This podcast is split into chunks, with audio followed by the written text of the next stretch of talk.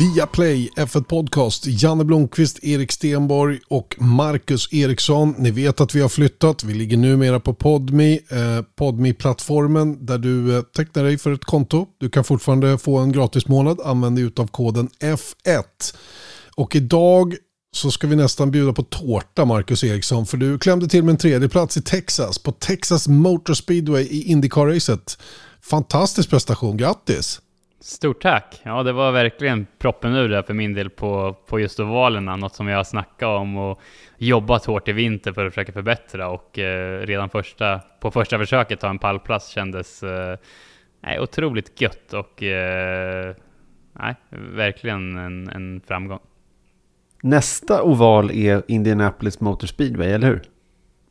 Det stämmer mycket bra. Det är ju bra uppvärmningar känner jag.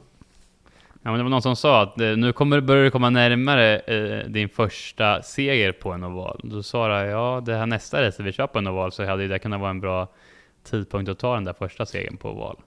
Men du, vi kan ju prata om det hur mycket som helst, men Jimmy Johnson då? Vad hände där? Ja, men Jimmy var riktigt på, på det här i helgen och Eh, det var kul att se. Han har ju haft det lite kämpigt på Road Street Courses, men det här var ju lite mer hans hemmaplan med ovaler. Det är det han har hållit på med i 20 eller 25 års tid och eh, det tyckte jag man märkte. Han var ju mycket mer hemma och var ju en, en stor tillgång faktiskt till hela teamet. Och få in vad var fyra Ganassi-bilar inom topp 7 i mål, det var ju en grym eh, prestation av hela teamet. Extremt imponerande, verkligen. Återigen, stort grattis och varför inte ta den där första segern nästa gång på Indianapolis Motor Speedway. Den har lite, lite längre raker så man inte är lika snurrig i huvudet när man är klar med det racet. Eh, via Play F1 Podcast då, den här veckan, där blir det naturligtvis reaktioner på det första racet, Bahrains Grand Prix, hur var de nya bilarna?